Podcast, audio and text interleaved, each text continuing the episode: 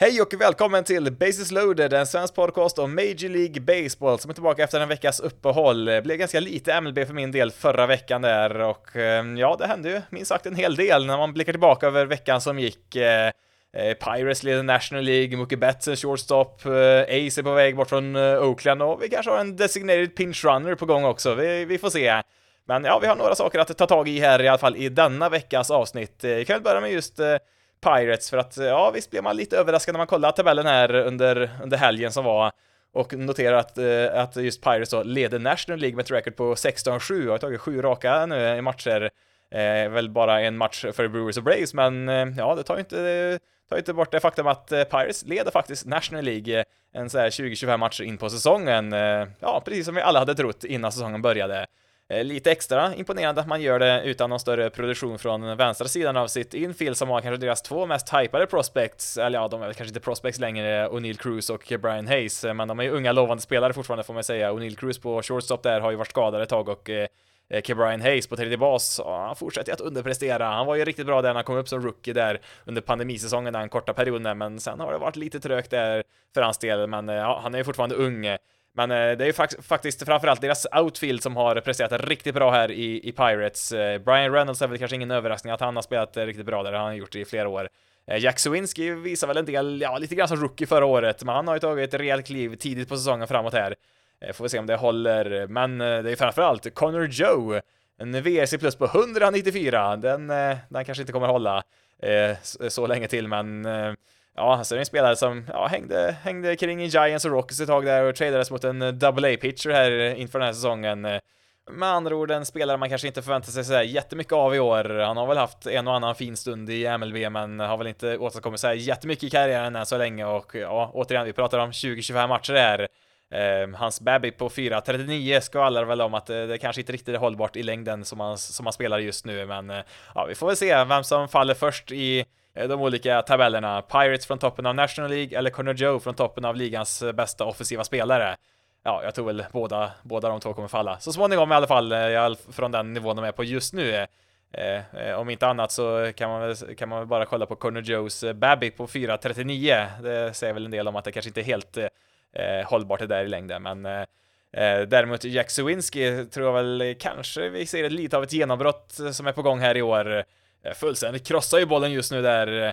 Eh, eh visst, det är en del strikeouts, det, det kan man inte komma ifrån, men han är ju elit, på elitnivå när det gäller walks. Eh, eh alltså, visst, man kan strika ut mycket, men drar man sina walks så, så kan man ändå hålla upp en hygglig on-base percentage i alla fall. Och ja, det är väl lite grann omvänt från pitchers. Pitchers kan ju klara sig med att tillåta många walks om man även strikar ut väldigt många. Det, ja, det kan man ju kolla på Shoei Otanis statistik. Väldigt mycket walks för honom där, men eh, ja, han klarar sig med sina strikeouts där, än så länge i alla fall. Har varit grymt bra även han så här långt i år, eh, men eh, ja, eh, tillbaka då till Pirates och Sowinski får väl, ja, får vi se om det, om det håller på riktigt eller inte för honom här, men eh, kollar man på Baseball Savant så det, det, är många knallröda siffror där som indikerar på att han gör någonting rätt där, eh, Jack Sowinski, så att eh, det blir intressant att följa honom lite grann där. Eh, tillbaka också där till eh, eh Brian Reynolds då, som eh, har ju varit en riktigt bra spelare i deras outfield i många år, under några ganska tunga år för Pirates, så är väl han en av de eh, Ja, han är väl den klart bästa spelaren under den här perioden som de har varit eh, ganska dåliga faktiskt. Det blev ju nyss klart här att han skrev på ett kontrakt här, åttaårskontrakt värt 106 miljoner. Snittlön på ungefär 13 miljoner per år blir det. Och ja, det ska man nog vara nöjd med. Visst, nu är det väl ett par år av arbitration kvar där. Jag tror han har Eh, ja, efter den här säsongen så tror jag han har två år kvar i arbitration, så att det är ju att lönen blir något lägre då för hans, för hans del då. Hade han varit free agent i år så hade han nog fått betydligt mer än sådär. Eh, så att jag tror nog Pirates ska vara nöjdare med, med det kontraktet eh, för en spelare som dessutom kan spela i centerfield som han gjort för dem för, i ett par år här nu. Sen nu har han väl spelat mest ut leftfield mest han spelat i år då. Men att ha en spelare som, ja, som sagt kan hantera centerfield och producera som han eh, ofta gör offensivt, eh, ja då ska man nog som sagt vara nöjd där i Pirates att man får han till den här dealen då på strax över 100 miljoner. Eh, annars, eh, det man anmärkte om Pirates innan säsongen började var ju att eh, man, ja, man värvade in ett gäng sköna eh, veteraner som skulle hjälpa lagets eh, lite yngre spelare kanske att eh, ta nästa steg, bland annat då Carlos Santana och Rich Hill. Och inte minst då Andrew McCutcheon som återvänder till sitt Pirates. Eh, han var ju med där senast han begav sig eh, till slutspelet för Pirates, vilket var ett tag sedan nu. Eh, men ja, kul som sagt att se en sån här ja, men tung profil återvända till laget som han förknippas med, som McCutchen gör här. Hade väl en, ja, några helt okej okay säsonger i Phillies, var väl i Brewers här senast, var väl, ja, inte så att man såg att han var helt slut, han var väl ja, helt okej okay på planen så. Men eh, hade väl inga större förväntningar på att han skulle åstadkomma så mycket här i år och eh, återigen, säsongen är ung, men kanske är det något där i kranvattnet i Pittsburgh som gör att McCutchen eh, återigen presterar på en väldigt hög nivå här. Eh, visst, kanske inte riktigt som i fornstora dagar, men eh, eh framförallt imponerad över att han som 36-åring fortfarande är en av ligans snabbaste spelare. Alltså hans sprint speed, eh, han ligger ju, ja, inte den absoluta toppen, men ligger absolut eh, långt över snittet, ligger en 87 percentilen, alltså bara 13% av ligans spelare är det bara som är snabbare än, än en 36-årig McCutchen. Eh, eh, också kul att notera att eh, på 20 matcher så här långt i år som han har spelat eh, så har han eh, dubbelt så mycket war som han hade på hela säsongen förra året, 134 matcher. Visst, eh, vi pratar om 0,3 war mot 0,6, det, det är väl inom någon felmarginal kan man ju säga där, men eh, ja, det säger väl en hel del om eh, McCutchens eh, heta start här i Pirates eh, återkomsten. Så att ja, det, det, är väl framförallt då just deras, deras outfield, har de fyra stycken här som har presterat riktigt, riktigt bra och har väl bärt dem upp här till toppen av av National League och ja då såklart då även toppen utav National League Central. Eh, även då kombinerat med kompetent pitching, inte så att eh, deras eh, rotation är något monster där på något sätt, men ja, de, de gör väl jobbet och inte så mycket mer, men det, det räcker när man har, som sagt, riktigt vass outfield här. Jag är väl starkt tveksam till att det här ska hålla för både Pirates och ja, de individuella spelarna där också. I alla fall på, på den här nivån de har visat så här långt. återigen, det är väldigt tidigt på säsongen. Man brukar väl säga att någon gång, någon gång i mitten av maj kanske man kan dra lite mer slutsatser kring hur en säsong ska sluta för, ja, för individuella spelare och de kollar på statistiken, men eh, ja, det, är väl kul så länge det varar i alla fall och eh, vi kan väl ändå konstatera att Pirates är väl kanske inte bland de absoluta bottenlagen som har varit under många år. Det kanske kan bli något av vad eh, Orioles var förra året i American League. Vi ska flytta oss över en stund här till National League West och eh, Dodgers har ju en ny shortstop i Mookie Betts. Ja, han har ju Ehm, ja, han är ju en eh, Gold Glove eh, right fielder egentligen, men eh, ja, nu är det lite kris där på shortstop-positionen så att då fick man flytta dit honom. Han har ju spelat en del andra bas lite då och då har han gjort, men shortstop, det är ganska nytt, eller ja, Ja, han har väl spelat eh, en gång i tiden för typ tio år sedan i Red Sox minor League-system, spelade några matcher strax efter han draftades eh, som shortstop där, men det, det var som sagt ett tag sedan. Eh, så att han har klivit in där och eh, nu har det väl inte varit jättemånga matcher det rör sig om, men eh, det lilla jag har sett så har det väl sett helt okej ut i alla fall. Han ser väl kompetent ut, nog ut att klara av positionen. En fantastisk atlet överlag, Mookie Betts. Sen visst, man får väl kanske räkna med att han kanske är lite ringrostig då med tanke på att han inte spelat där på, på typ 10 år då. Ehm, men ehm, ja, det, det, är väl kanske den bästa lösningen de har. Eh, alltså skadan på Gavin Lux här inför säsongen, han skulle ju ha den positionen egentligen, ställer till ganska mycket här. Plockar in Miguel Rojas, men han har ju inte presterat någonting alls. Det är liksom ett svart hål i deras lineup där, även om han är kompetent eh, försvarare.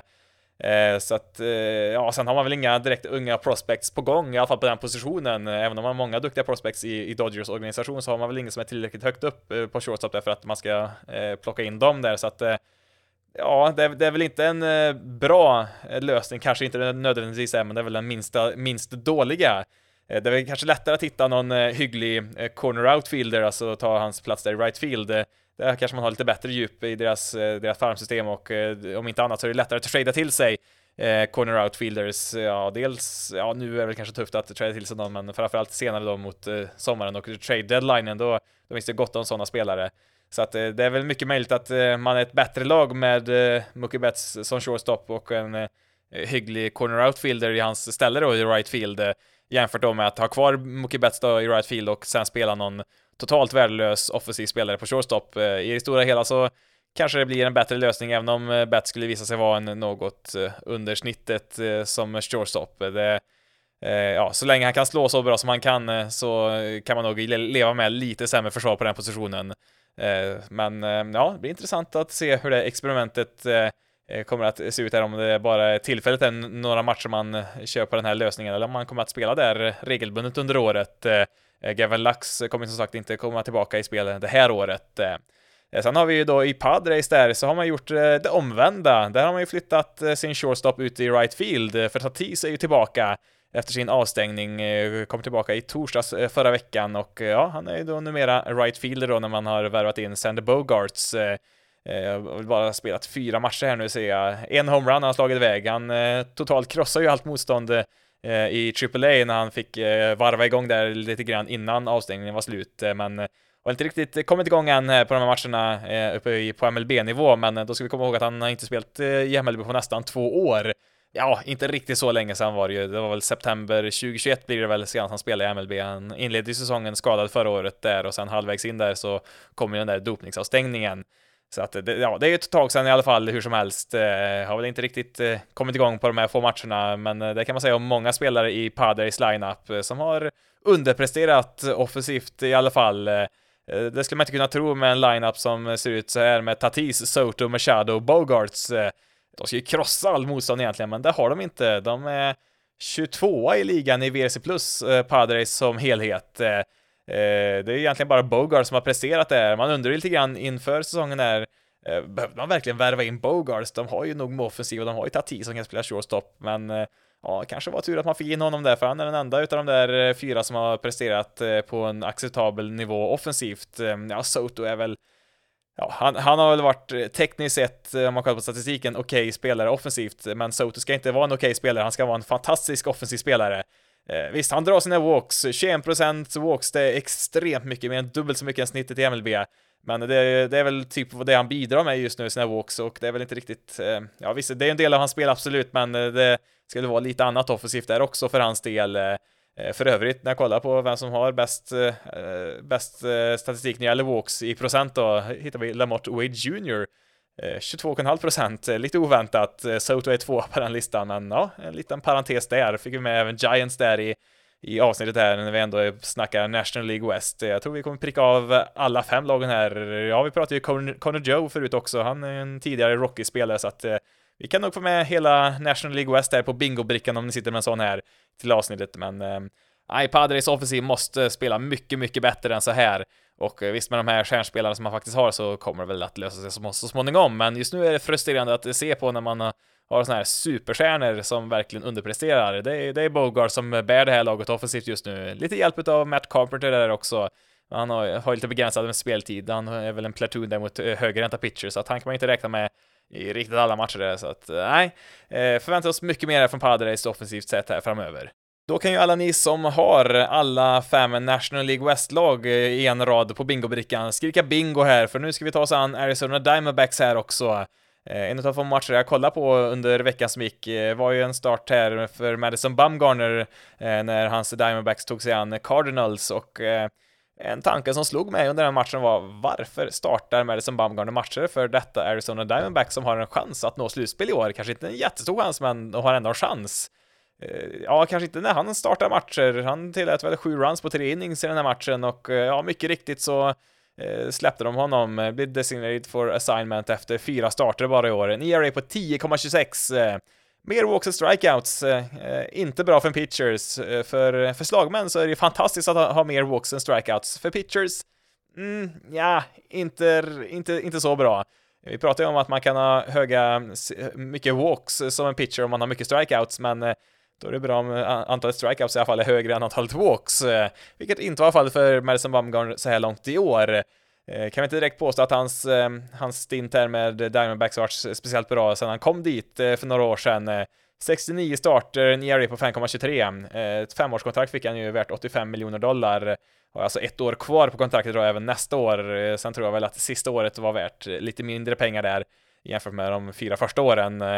Eh, visst, man hade väl kanske räknat med att eh, Baumgartner kanske skulle vara lite sämre mot slutet av kontraktet, men eh, då hade man samtidigt kanske räknat med att han skulle vara ganska bra i de eh, första åren, vilket han inte har varit heller tyvärr. Sen visst, han har väl tagit eh, ett steg bakåt även från de lite sämre säsongerna där i början av kontraktet också. Eh, har ju inte, eh, ja nej, han har inte bidragit någonting till det här laget. Visst, han kanske har varit en, en eh, Eh, ja, bra närvaro i deras clubhouse och så, det, det, har jag ingen koll på där, men på planen så har han varit en katastrof. Eh, alltså det, det ser ut som han försöker pitcha som om det vore 2014 och visst, eh, det han bidrog med i slutspelet 2014 är kanske det mäktigaste vi sett på pitchingmässigt på hela 2000-talet, men måste ju som sagt anpassa sig lite grann efter sina förutsättningar när han blir äldre. Alltså det, det som eh, skiljer en eh, hygglig eller till och med bra pitchingkarriär mot en riktigt, riktigt bra pitchingkarriär är ju en pitchers förmåga att eh, i framförallt då äldre dagar anpassa sig efter sina dåvarande egenskaper och inte liksom kasta som om de vore 23 fortfarande. Det, jag vet inte om han är för stönig helt enkelt är Bumgarner, vilket inte är helt omöjligt. Är väl en ganska, har väl en ganska stönig personlighet överlag där, så att det är väl kanske inte så konstigt så sett då att att just han har problem att anpassa sig efter den nya verkligheten här, för han Ja, man får ju lite vibbar utav Dallas Keuchel som, eh, ja, det känns som att han var slut i flera år där innan, eh, innan lagen till slut gav upp på honom där. Eh, visst, nu tror jag väl kanske något lag eh, till kommer chansa på Bamgarn här innan han är helt färdig i MLB, men det ser väl tyvärr ut som att eh, tiden som en effektiv pitcher i MLB är väl över för Bumgarners del. Vi kommer ju alltid ha de magiska åren där med Giants att minnas och tyvärr då även de omagiska åren med Diamondbacks då. Eh, om inte annat så kan man ju se eh, spelar man kallar upp istället för Bumgarner. Alltså det är en, en, sak om man hade kallat upp något eh, häftigt prospect där eh, på någon topp 100-lista istället för honom där för att man ville bli lite, lite bättre där. Men eh, så var inte fallet där. Man plockade upp eh, Tommy Henry som eh, ja, en 25-åring som inte är någon vidare prospect där. De ville ha liksom vem som helst utom Baumgarner i princip där i sin rotation. Eh, visst, nu eh, var det väl kanske dels för att eh, eh, Henry som kom upp här, han är väl vänsterhänt likt Bumgarner, han är väl deras enda vänsterhänta pitcher i deras rotation, så det hade väl kanske lite med saken att göra, för de har faktiskt ett eh, intressant prospect här, eh, Diamondbacks eh, Brandon Fart, tror han heter, efter de där eh, P-F-A-A-D-T. Eh, jag tror inte att det ska uttalas Fat, det har jag mycket svårt att tro, för jag, jag tror jag har hört det namnet någon gång, att det ska vara Brandon Fart något sånt där. Men han är däremot rankad, enligt Fangraphs så rankar de honom innan säsongen som 16 bästa prospect i hela MLB och han är ju uppe i AAA och kastar så att eh, han är ju inte långt eh, borta heller. Jag kan ju undra varför man inte plockar upp honom eh, nu när man ändå liksom har chansen att kanske ta, ett, ta en wildcard-plats i år. Har ju betydligt högre uppsida än vad Tommy Henry har. Sen visst, Henry i vänsterhänt, det är ju inte fart då. Um, och um, Eh, ja, han har ändå hyggliga siffror så här långt i AAA. Det är bara några enstaka starter. Visst, 3,5 ERA, men då spelar han i Reno.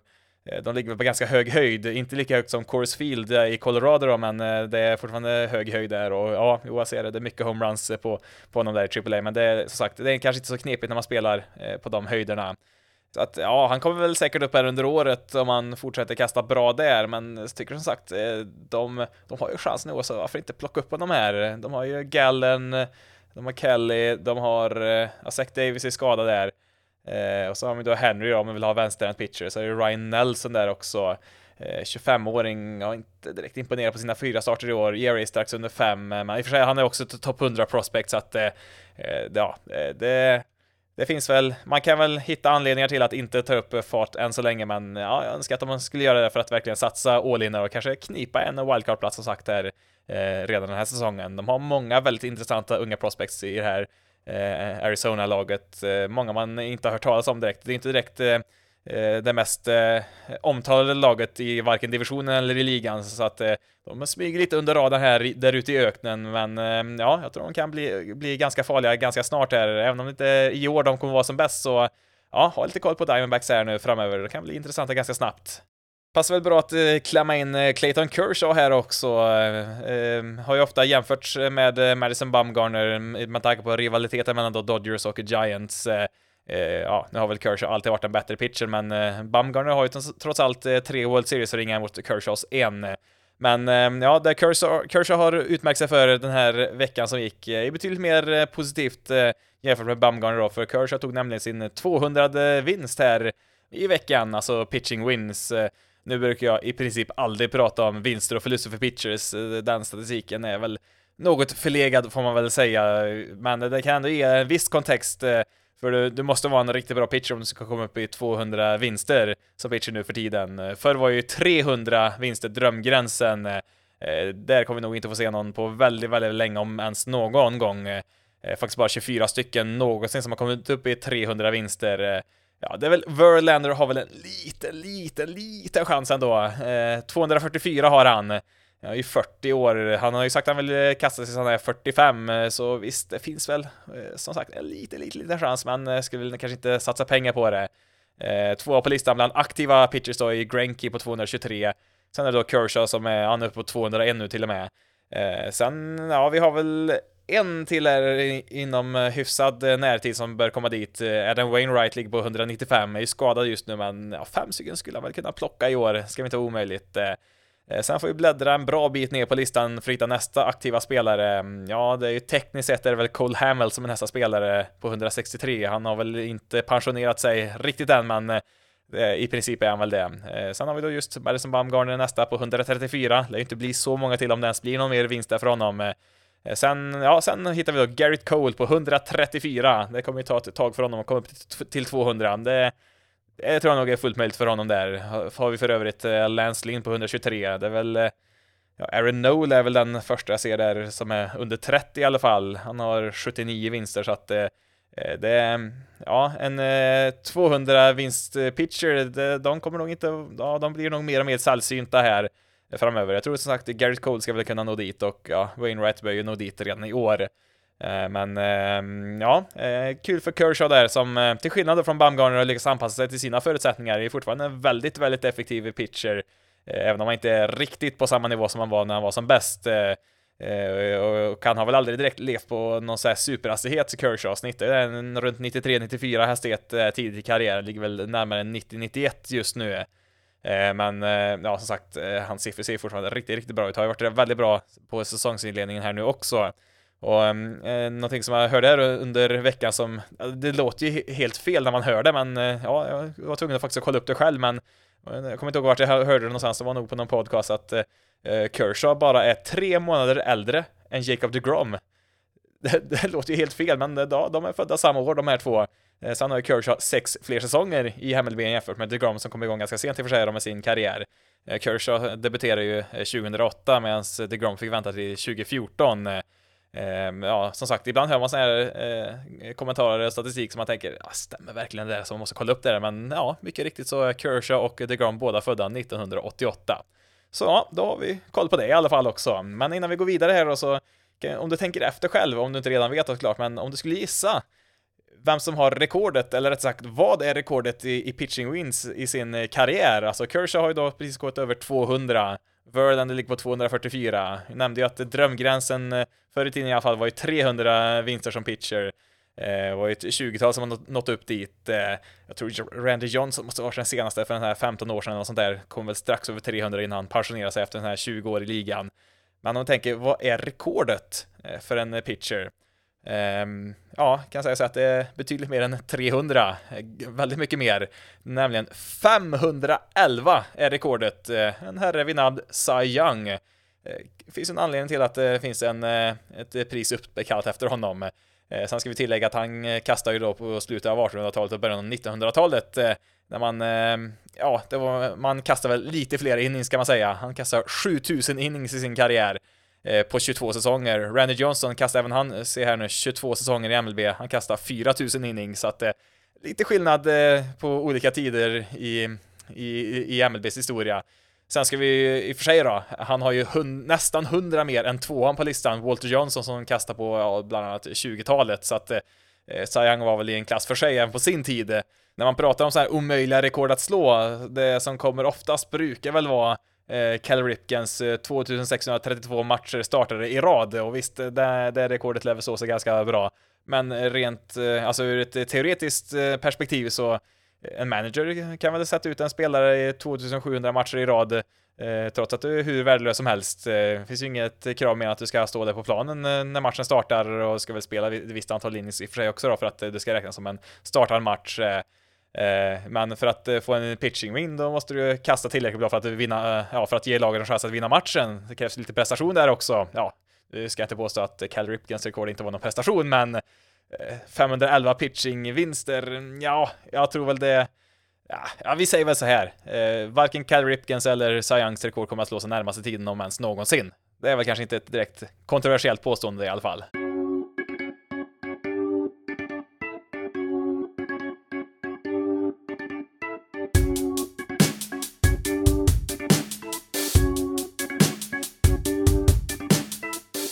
Då tänkte jag att vi ska snacka lite nya regler, och då kanske du tänker, om du lyssnar på den här podden, ja, men har vi inte pratat en del om nya regler inför den här säsongen? Eh, jo, det har vi ju, men eh, nu ska vi prata om nya, nya regler, eller eventuellt nya regler.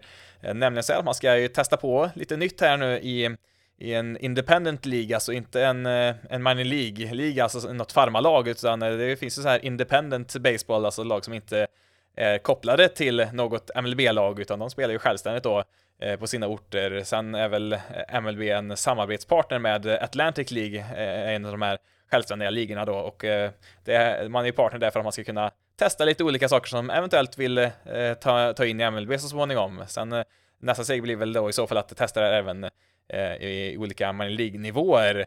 Men eh, det var väl tre saker man skulle testa på här som eventuellt kan bli en verklighet framöver här. Jag är väl kanske inte riktigt lika såld på alla de här som, eh, som är de reglerna som vi faktiskt har fått nytt i år på MLB-nivå, men eh, någonting man ska testa i alla fall, det är en designated pinch runner. Vi har ju en designated hitter som vi är välbekanta med, alltså att en spelare helt enkelt står för pitchen i slagordningen. Men en designated pinch runner eh, ska man kunna byta in och ut eh, lite då och då, eller ja, så fort man får en base runner.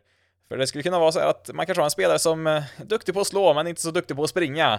Eh, då skulle man kanske önska att man hade en, eh, ja, en Terrence Gore kanske, som inte är så bra på att slå, men fruktansvärt bra på att springa istället.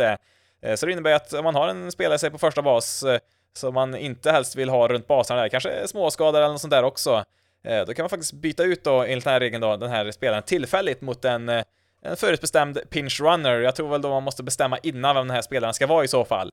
Så då kan man sätta in den här spelaren då på första bas istället då, och låta han springa där tills inningen är slut, och Eh, eh sen efteråt då, ja då får den här spelaren som, eh, eh, ja slagmannen då som slog den där hitten eh, komma tillbaka i matchen då på sin ordinarie position och spela som vanligt och eh, eh en designated pinch runner då, han får ju då hoppa tillbaka in på bänken och fortsätta sitta där. Sen kan den som var en pinch runner där även bytas in som en ordinarie spelare i, i matchen senare.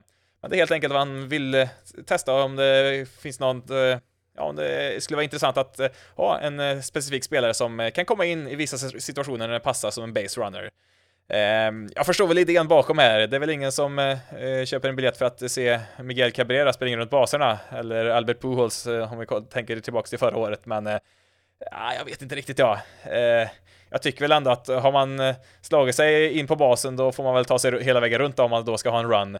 Kan väl jag tycka då. Jag, jag ska väl inte säga att jag kommer att aldrig titta på en baseballmatch igen om det här blir en regel officiellt i MLB, men ja, jag, är väl, jag är väl skeptisk till det här. Sen, eh, eh, visst, nu testar man bara och det är väl bra att man testar och ser om det här är någonting att ha eller inte. Vem vet, det kanske är världens bästa idé. Det vet man väl aldrig förrän man faktiskt har testat det, men ja, jag är väl lite negativt inställd till det här faktiskt. Det känns som att eh, en designated hitter, det, det, det, där är jag med på tåget, men eh, en designated, designated pinch runner, ja, det tror jag vi klarar oss utan faktiskt, men ja, te te testa på så får vi väl se, så får vi väl se när man utvärderar det här hur det ser ut. Eh, en annan regel är att man ska, eh, ja det är väl en mer justering på en, eh, ny regel. Som det ser ut just nu i MVB så får man ju bara göra två försök till pickoffs. Ja, man får ju göra fler också, men tredje då måste man lyckas då, annars blir det en balk.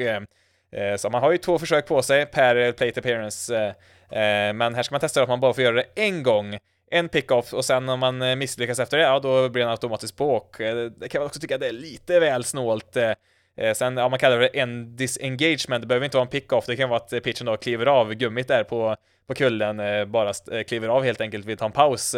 Ehm, det räknas också då som en disengagement. Kan jag tycka att, alltså jag tycker väl det är ganska lagom som man har det just nu, ha ett par försök på sig att försöka plocka en base runner eller liksom helt enkelt stanna av där. En, ja det är lite väl mycket för det kan vara bra att behöva kasta över någon gång ibland för att ha lite kontroll på, eh, på en potentiell eh, base dealer där, men eh, får man bara göra det en gång, ja då, ja visst, man vill ju ha mer stolen bases, absolut, men eh, li, li, lite utmaning ska det väl vara också eh, för, för en base runner att kunna ta sig, ta sig till nästa bas, så att ja, det är väl inte en, väl inte heller en regel som jag känner jättestarkt för åt något håll så, men ja, jag är väl också lite nej, den här skulle jag tror vi klarar oss utan också, men återigen, ja, testa på så får vi se eh, vad som händer. Eh, nästa regel, den tredje och sista, den är, ja, men den är intressant i alla fall. Eh, det blir intressant att se vad man kommer fram till här, en så kallad double hook eh, designated hitter, alltså eh, det är en regel som säger att man får ha kvar sin designated hitter i matchen så länge en starting pitcher går minst fem innings. Alltså går en starting pitcher ut efter fyra innings, då förlorar man även sin eh, designated hitter.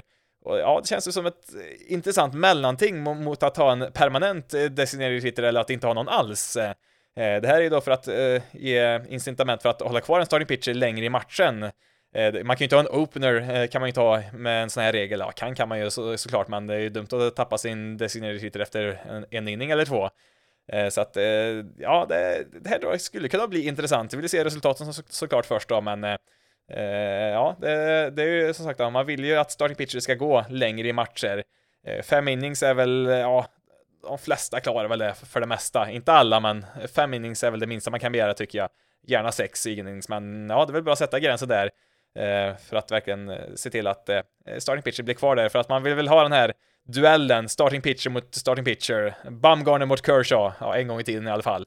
Ehm, Alcantara mot, jag vet inte, Corbin Burns eller vad det nu kan vara ja, de brukar väl gå ganska många innings utan den här regeln också, men eh, ja, det är väl lite grann för att få tillbaka liksom, ja men eh, nu ska vi eh, kolla på den här matchen och se liksom en duell mot två, två, två ace här mot varandra och man är ganska säker på att de kommer nog att gå ganska långt i matchen också. Ja, i alla fall fem innings i det här fallet då, så att det är en intressant regel i alla fall att man kopplar en designated hitter till hur långt en starting pitcher går, ja i alla fall då minst fem innings, så att ja, det kan jag tycka är intressant i alla fall att se vad, vart det leder som sagt.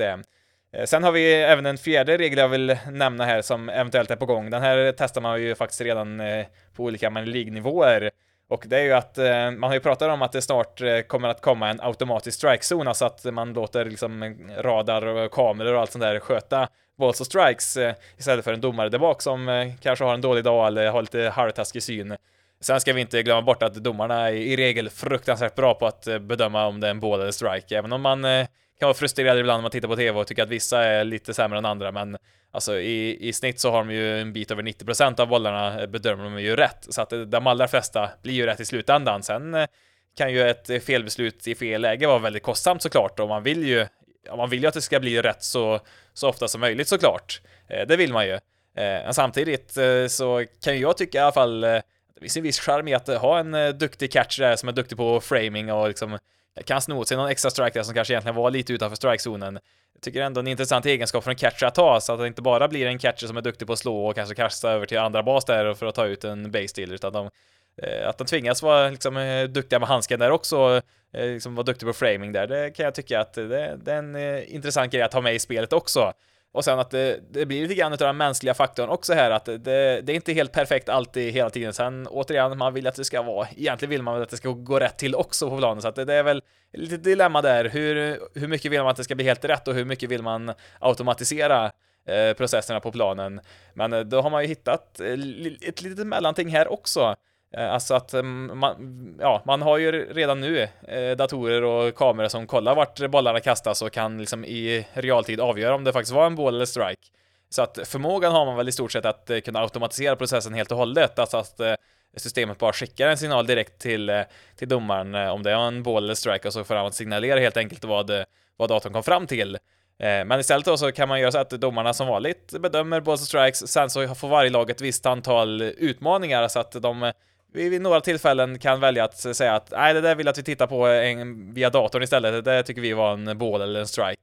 Eh, och på så vis så få bort de här absolut värsta domsluten, för ibland så är det ju riktigt grova missar domarna gör. Det gör de ju också ibland.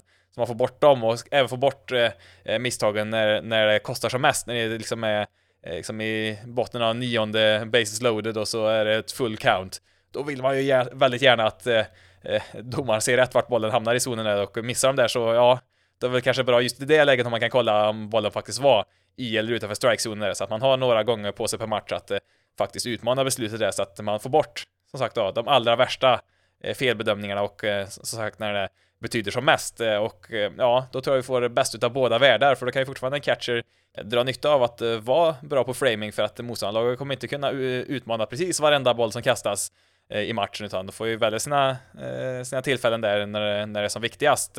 Eh, så att eh, då får man ju som sagt bort de allra värsta missarna som vi ser ibland och även då eh, kunna finnas med där och rädda upp situationen om det är liksom ett helt avgörande läge. Så att det tycker jag är ett intressant alternativ till att bara ha en, liksom en datorstyrd strike zone där. Så att ja, det är också ett, ett intressant tillägg till MLB-reglerna som eventuellt kommer här framöver, som man nog hellre ser i alla fall än ett helt automatiserat system. Innan vi rundar av här så vill jag också nämna att eh, eh Det kom ut en nyhet där under, eh, under veckan att eh, Oakland A's har ingått ett bindande avtal att köpa upp mark i Las Vegas för att eventuellt då bygga en en ny arena där och ja, helt enkelt flytta laget från Oakland till Las Vegas. Och det här har väl varit på gång ett tag nu.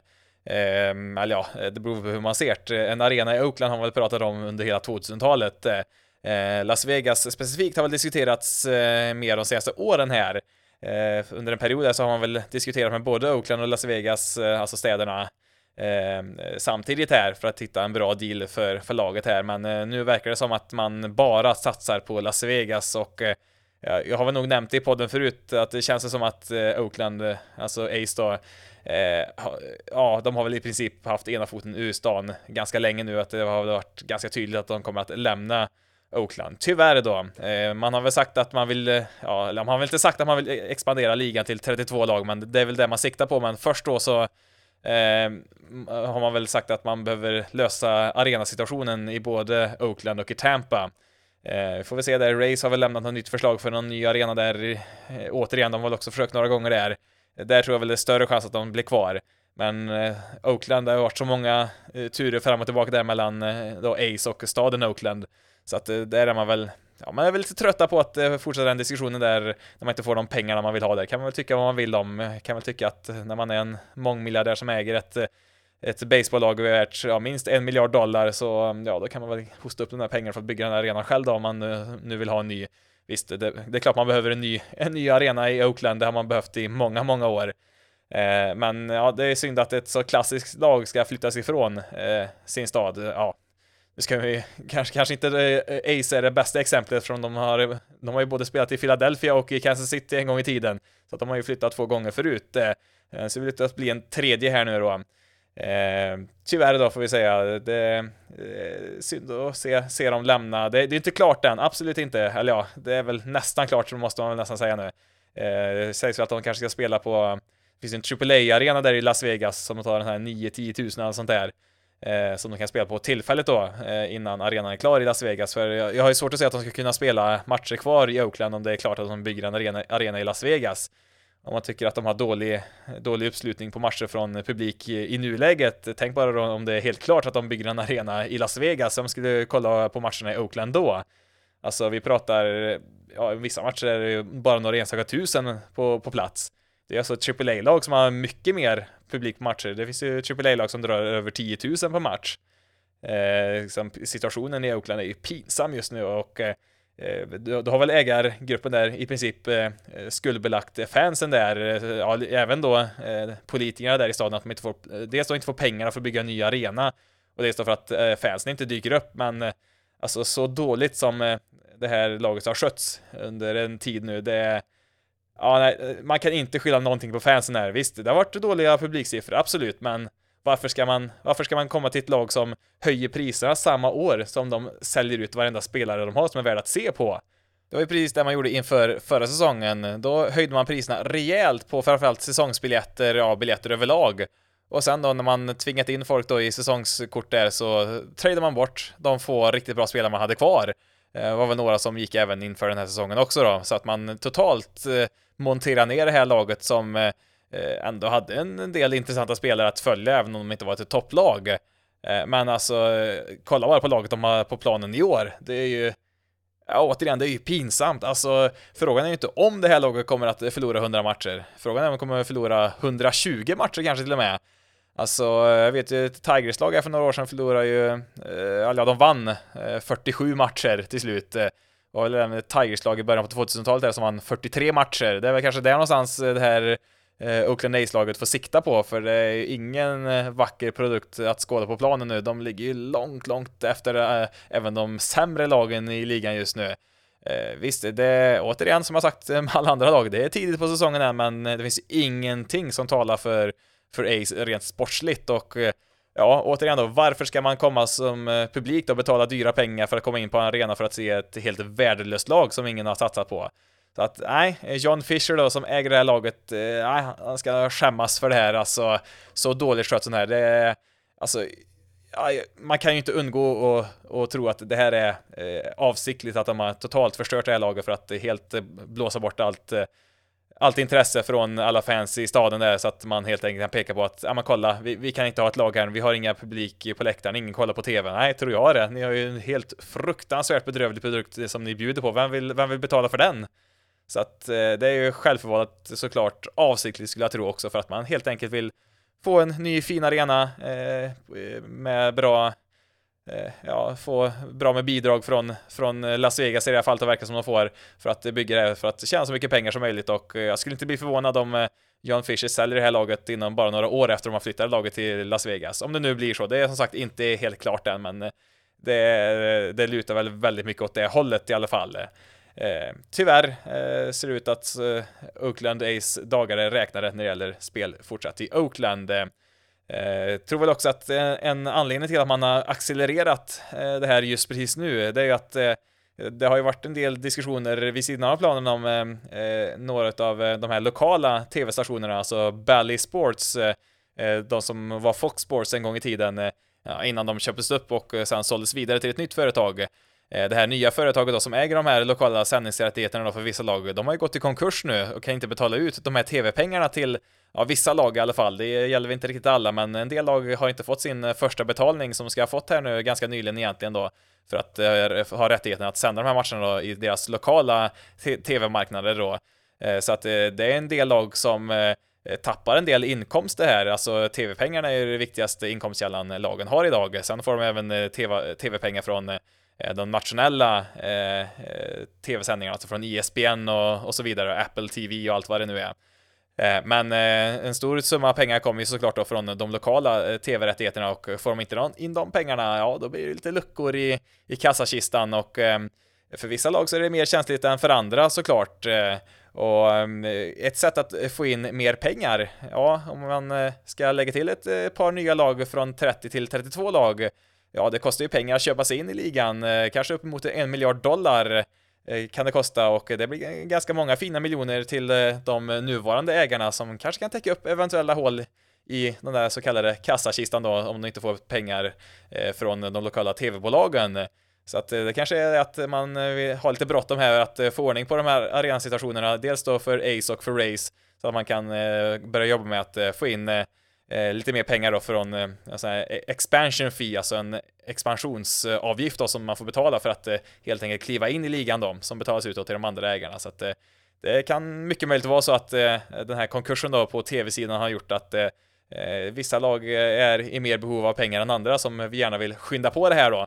Eh, sen visst, nu tror jag John Fisher där i, i Ace ägare har längtat efter det här ganska länge ändå, men det är väl klart att man kanske får lite extra fart här nu från MLBs sida att eh, Eh, få ordning på det här från deras sida då, så att man kan plocka in ett par nya lag då, och lite mer pengar då till till, eh, eh till de andra lagen här, eller de andra ägarna rättare sagt. Det är ingen garanti att de spenderar de pengarna på, eh, på sitt, e-, sitt, eget lag. Eh, vi såg ju för, för några år sedan när de sålde eh, Bamtech, eh, eh det eh, företaget man grundade ja, för länge, länge sedan när man byggde upp MLB TV en gång i tiden. De var ju i princip först ut att streama alla matcher, eh, liksom i början på 2000-talet var ju väldigt långt framme eh, eh, på den fronten, långt innan det fanns Netflix och allt vad det nu var. Det, det, det företaget köptes sedan upp utav eh, Disney, så att eh, Disney Plus är ju uppbyggt med, ja, på samma plattform som skapades utav MLB en gång i tiden faktiskt. Det är lite häftigt där så, men där fick man in ganska mycket pengar som sen delades ut till alla ägarna då. Eh, jag tror det var, eh, om det var runt 50 miljoner dollar som varje ägare fick och ja, det fick de göra vad de ville med. Spendera på laget eller lägga i sin egen ficka.